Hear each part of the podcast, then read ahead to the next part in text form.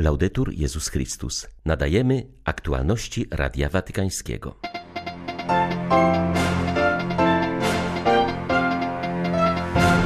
Synodalności nie trzeba promować, jakby to była jakaś idea. Jest to praktyka, której trzeba się uczyć i stosować ją w życiu, mówi kardynał Michael Czerny.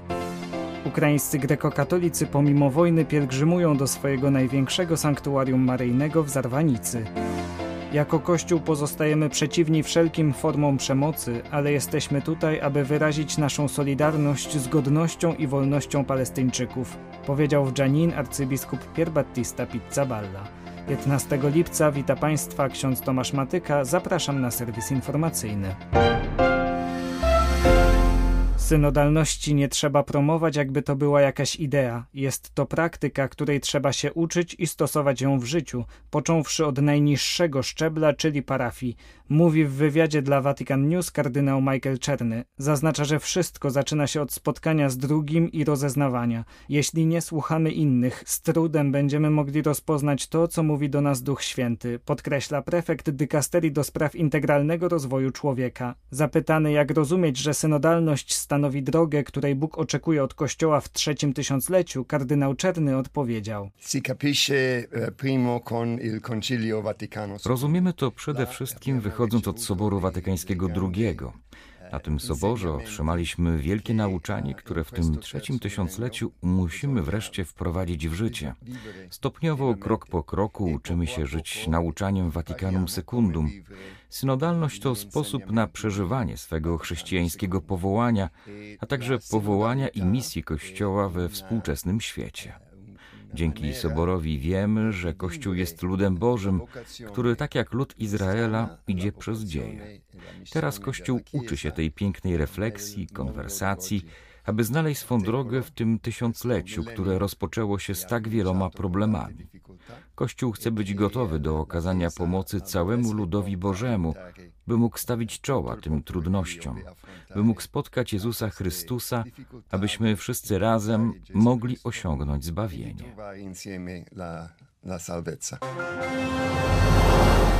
Ojciec Święty mianował nowego biskupa Szanghaju w Chinach kontynentalnych. Został nim 53-letni biskup Giuseppe Shenbin, który trzy miesiące temu został mianowany na to stanowisko przez komunistyczne władze i bez zgody stolicy apostolskiej przeniesiony do Szanghaju z diecezji Haimen, której był ordynariuszem. Diecezja szanghajska nie miała swego biskupa od 10 lat. Uznawany przez stolicę apostolską i rząd biskup Tadeusz Madacyn przebywa w areszcie domowym po tym, jak w dniu święceń biskupich ogłosił, iż rezygnuje z członkostwa w prorządowym patriotycznym Stowarzyszeniu Katolików Chińskich. Kardynał Pietro Parolin podkreśla, że mimo iż sposób postępowania chińskich władz w sprawie nominacji w Szanghaju daleki jest od współpracy i dialogu, o których mówi porozumienie podpisane między Chinami a stolicą apostolską, to papież zdecydował o uzdrowieniu nieregularności kanonicznej, jaka wytworzyła się w Szanghaju, mając na uwadze większe dobro diecezji owocne wykonywanie duszpasterskiej posługi przez biskupa. Intencja Ojca Świętego jest zasadniczo duszpasterska i pozwoli biskupowi Szenbinowi pracować z większym spokojem, aby promować ewangelizację i wspierać komunię kościelną. Jednocześnie mamy nadzieję, że będzie on w stanie w porozumieniu z władzami ułatwić sprawiedliwe i mądre rozwiązanie niektórych innych kwestii, które od pewnego czasu nie zostały rozwiązane w diecezji, podkreślił kardynał Parolin. Watykański sekretarz stanu wyraził przekonanie, że dialog między Watykanem a stroną chińską pozostaje otwarty i jest to obowiązkowa ścieżka. Podkreślił, że istnienie problemów jest nieuniknione, ale jeśli dialog będzie wzrastał w prawdzie i wzajemnym szacunku, to będzie owocny dla Kościoła i chińskiego społeczeństwa. Ukraińscy grekokatolicy także podczas wojny pielgrzymują do swojego największego sanktuarium maryjnego w Zarwanicy.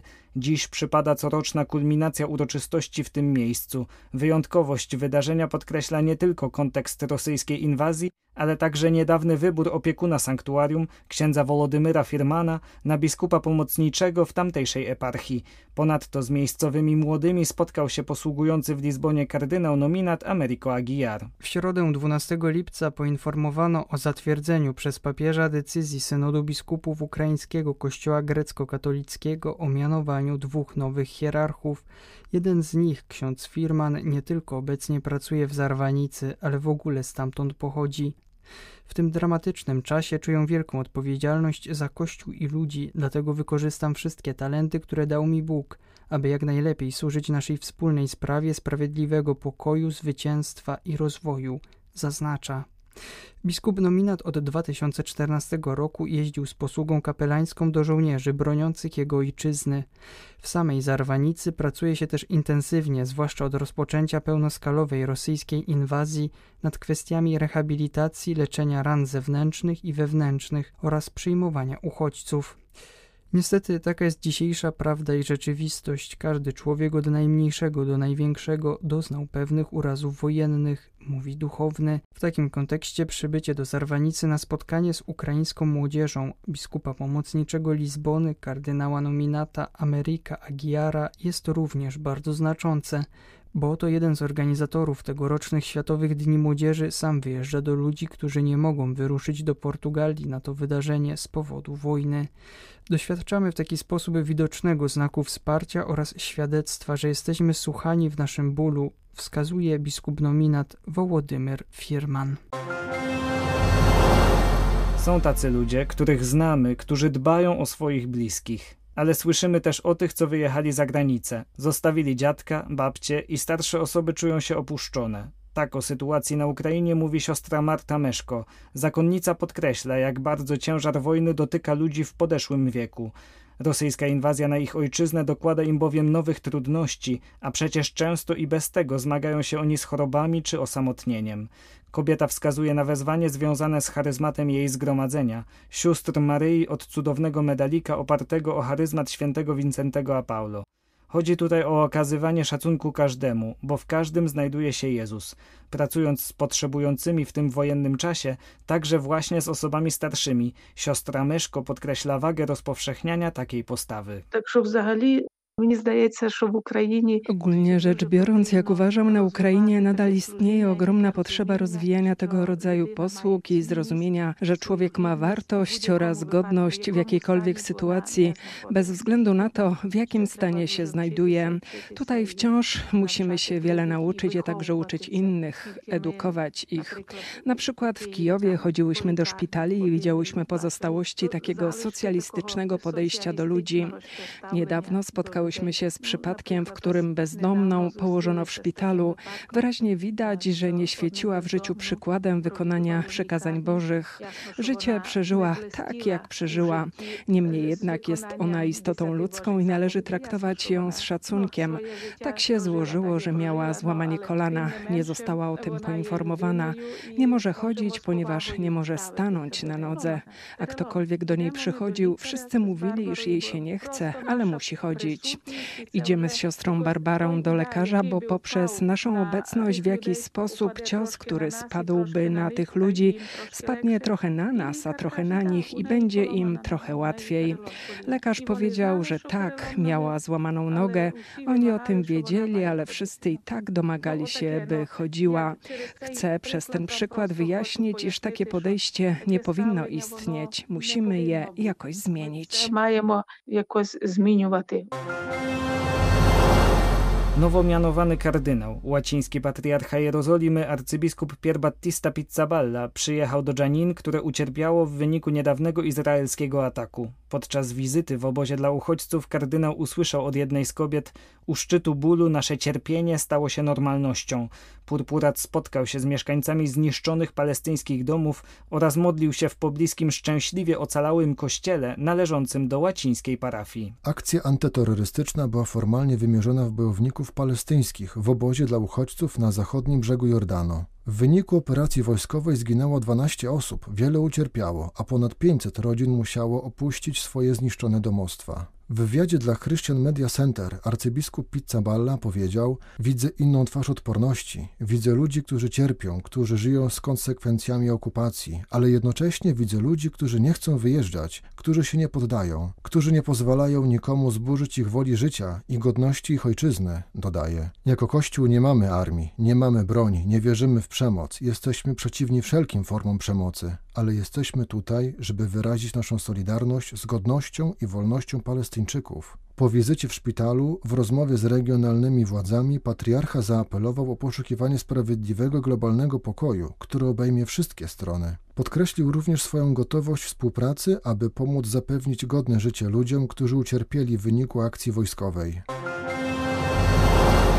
W Nigerii uwolniono księdza Józefa Azubuike oraz jego trzech towarzyszy. Był to pierwszy przypadek porwania duchownego z diecezji Abakaliki, leżącej na południu kraju. W tym samym czasie władze kościelne z Aguleri wezwały do modlitwy za księdza Józefa Kene Igueagu, którego losy nie są znane od 12 października, gdy został napadnięty przez bandytów. Ksiądz Józef Azabuike wraz z współpracownikami został zaatakowany 10 lipca, będąc w drodze powrotnej do parafii. Bandyci zaciągnęli ofiary do lasu, po czym zażądali okupu w wysokości 66 tysięcy dolarów. Zagrozili śmiercią, jeżeli zostaną zaangażowane organy ścigania. Jednak dzięki skutecznej akcji policji udało się odbić porwanych już dwa dni po napadzie.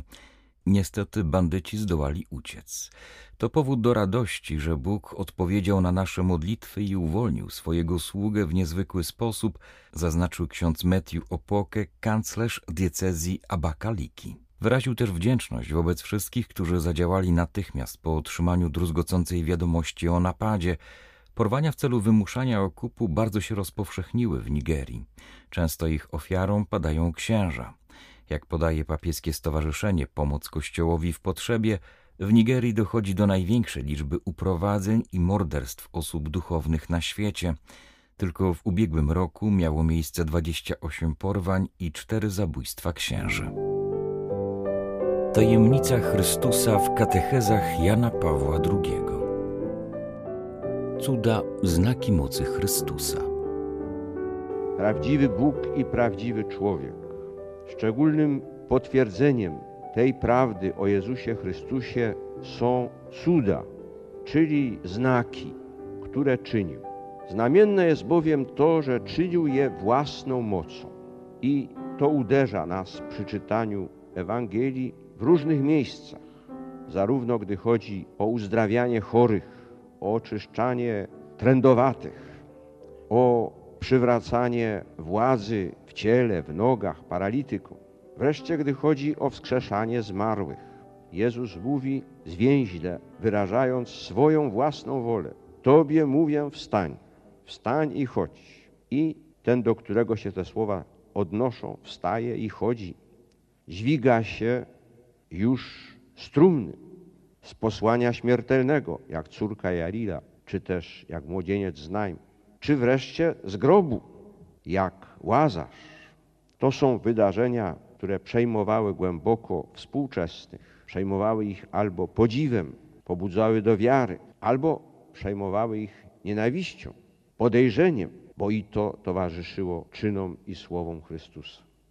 Dla nas analiza tych wszystkich wydarzeń wskazuje na to, że Jezus jest prawdziwym Bogiem, będąc synem człowieczym. Bo to, co czyni jako człowiek, jako Jezus z Nazaretu, nie może być dokonane inaczej, jak tylko mocą Bożą. I ta moc Boża jest Jego własna. Starajmy się tej mocy szukać, pozostawać jej wiernie, iść za nią i czerpać z niej to, ku czemu działa, to znaczy zbawienie naszych dusz. Były to aktualności Radia Watykańskiego. Laudetur Jezus Chrystus.